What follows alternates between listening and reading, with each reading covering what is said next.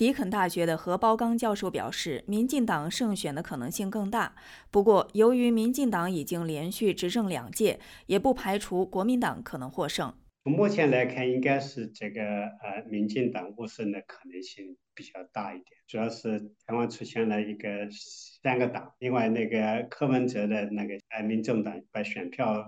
分散了，也不排除这种可能性。就他的这个两党交换啊轮换政，呃，已经在台湾好几次了。然后民众开始对民进党的有些政策不满，因为这次整整个选举。集集中在很多国内问题上，然后对民进党不满以后呢，也希望那个国民党出来能够挽挽和一下两派的关系，有利于他们经济的发展。民进党八年来，大家也有点厌倦了，也要换换新面孔。然而，西澳大学的陈杰教授则认为，民进党会最终胜出，但民众的支持率与以往相比也可能有所下降。赖清德和这个呃小美金他们就这一组呢，胜出的可能性最大。但是我认为呢，嗯，谢天谢地，就说马上也快选了，因为我觉得他们越是往后拖呢，事实上他们胜出的这个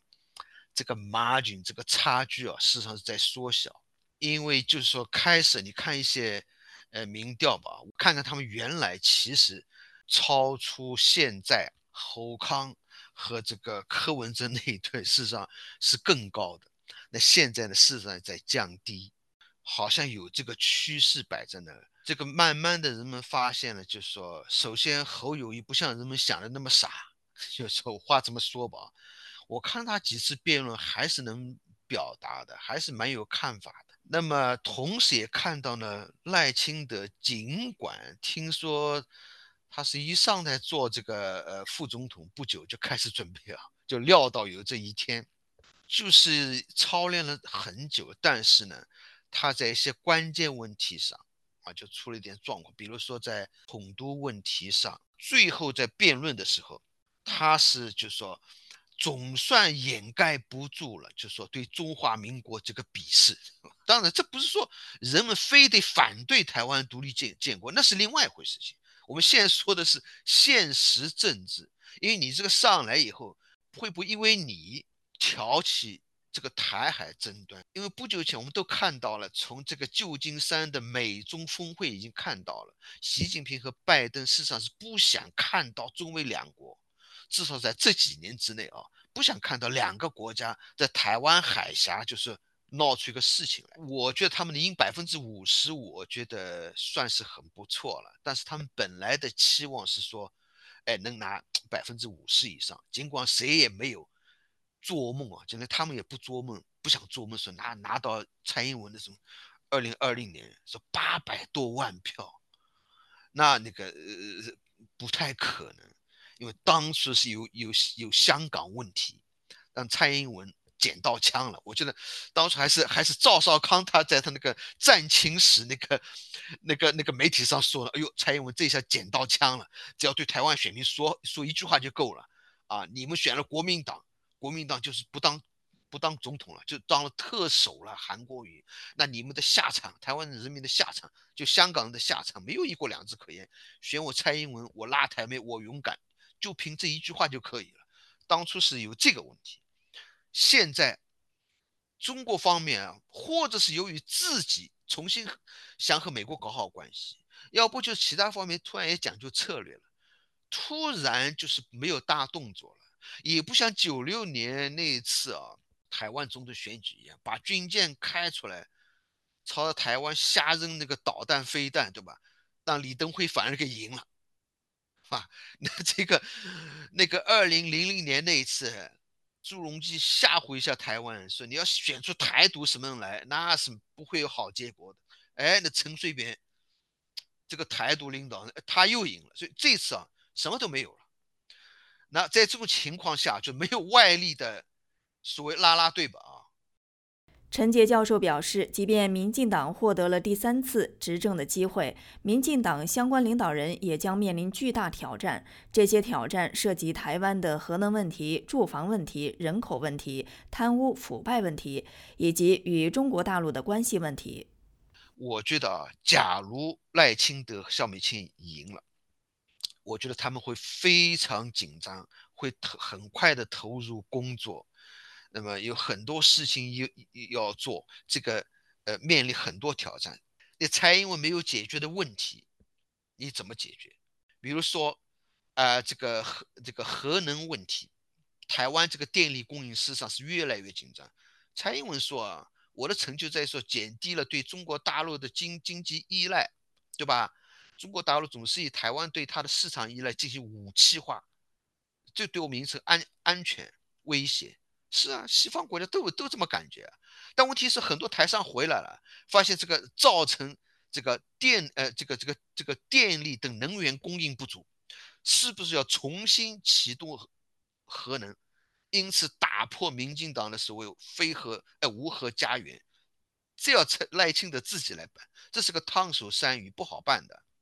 台湾说到底，它是个收入比较低的经济体，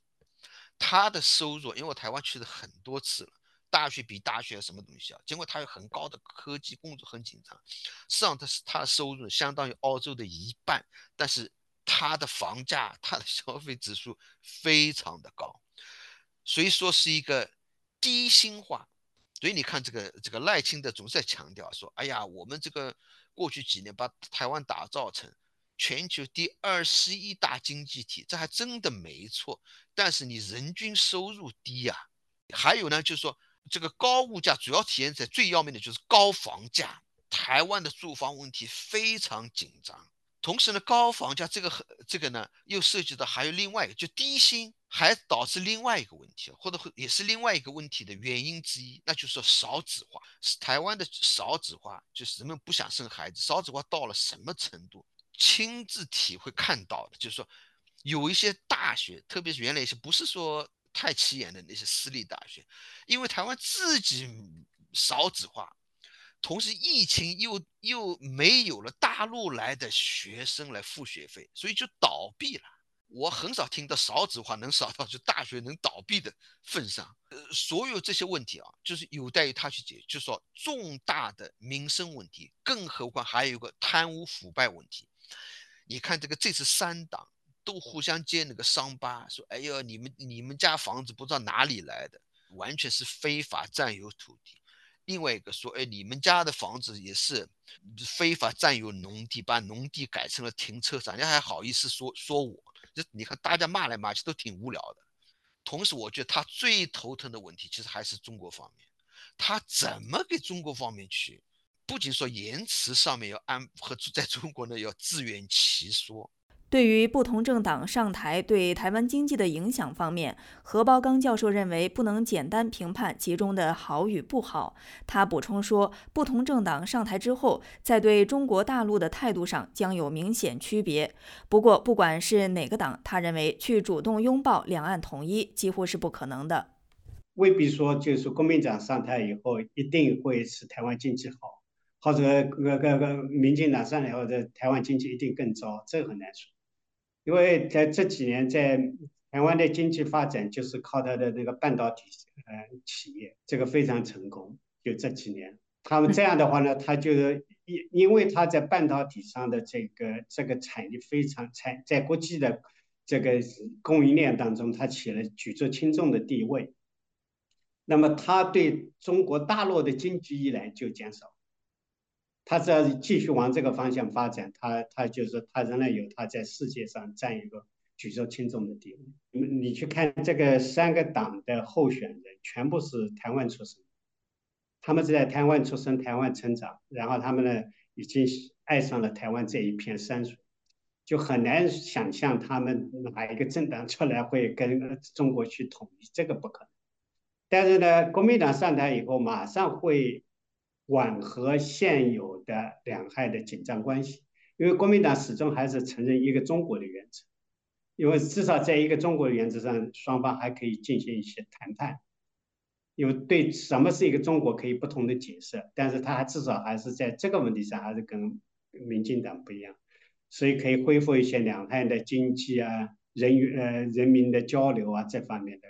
另外，何包刚教授还提到，柯文哲的民众党在本次大选中的出现，顺应了台湾民众的需求。不过，他认为从长远来看，三党角逐的局面不可能成为常态。柯文哲的那个新党出来，这是一个新的挑战。它说明他们的这个，你像这个在东亚社会受美国的影响，一般都是两党制。然后呢，这个要搞三党，一般都长不了。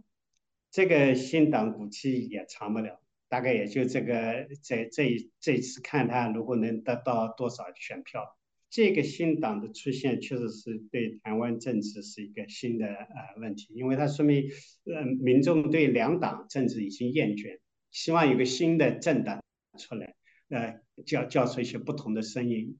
就未来中国大陆是否会对台湾展开直接军事行动这一问题，陈杰教授表示，这种可能性不大。但是，中国大陆对台湾的军事威胁还会继续存在。我我觉得这个，呃，从逻辑上来说，那中国武力威胁台湾，增加使用武力的可能性，当然是针对民进党，呃，这个可能性就更大。这个是好，这个这个是不言而喻。嗯呃，但是呢，我也也我也要指出来，嗯，可能性增加的，不见得说，呃，真的在五年十年之内，他真的会呃动武啊，对吧？入侵不可能，但是呢，比如说经常举行一些非常具有威胁性的一种军事演习，甚至说持续的这个围困台湾，呃，这个呃不能排除。呃，我说是什么意思呢？就是说，就上上面是飞弹，底下说人来登陆，我觉得这个不可能。我觉得中国方面还没有说想到这种地步，更何况习近平都说了，最近几年之内啊，没有攻台的这个打算。呃，但是呢，经常性的局部性摧毁吧，或者能极大摧毁台湾，呃，生活秩序、经济。安全的那种军事演习，或者或者封锁，呃，这个倒不能完全排除啊。目前，俄乌战争已经持续了六百多天，有人认为俄罗斯在短期内没有实现其最初的战争目标，使得中国大陆在对台动武问题上会更加谨慎。但是陈杰教授则认为，从长远来看，俄乌战争实际上给中国大陆提供了经验以及充足的时间来准备，以便更好地处理台海问题。这个呢说法啊，呃，在对于俄乌战争，呃，这个对于啊海峡这个争端的影响，这个开始人们都说，哎呦，本来就是说，有可能中国方面、大陆方面想好。这个要打台湾，突然呢发现泽连斯基，哎呦，乌克兰人这么勇敢，就把中国大陆给吓回去了，是吧？哎，再也不敢打了。嗯，但是这个说法是是开始阶段而已。现在呢，我慢慢听到另外一个说法，好像也有道理，就是说，因为本来的考虑吧，看本来的观察。根本就没有迹象显示说，哎，普京你就是普京和习近平两家说好了，你赶紧去打那个基辅，我这准备打台湾，咱背靠背，你打那边，我我打这边，没本来就不是这种这个动静，所以说呢，你乌克兰战争一拖呢，客观上也是中国方面有更多的时间他来研究啊，他还可以改进啊，他可以来操练，就是说，哎呦，俄国。一打，哎，这个尽管普京还在啊，这俄国好像也没垮，但是西方的经济制裁，俄国好像也也也搞得俄国气喘吁吁的哦。那我们得研究研究啊，这制裁到中国头上会怎么样？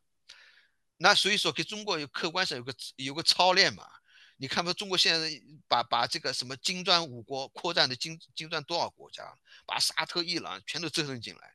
要把这个啊美元替换掉，用人民币来搞这个互相结算，就是说好像也有个动静，就是说，就是说减，就是说不管他将来是为了什么，是不是冲着台湾这个战争，但客观上你也看技术上来说，点点滴滴也减弱了将来他受到制裁的时候，那就是说受到的这个打击，更何况他能源粮食还靠着靠着美呃靠着俄国。啊，当然这也是个说法，就是说俄乌战争这个结局让中国方面有更多的时间来检视、来重新思考他自己将来对台湾的有可能采取的动作。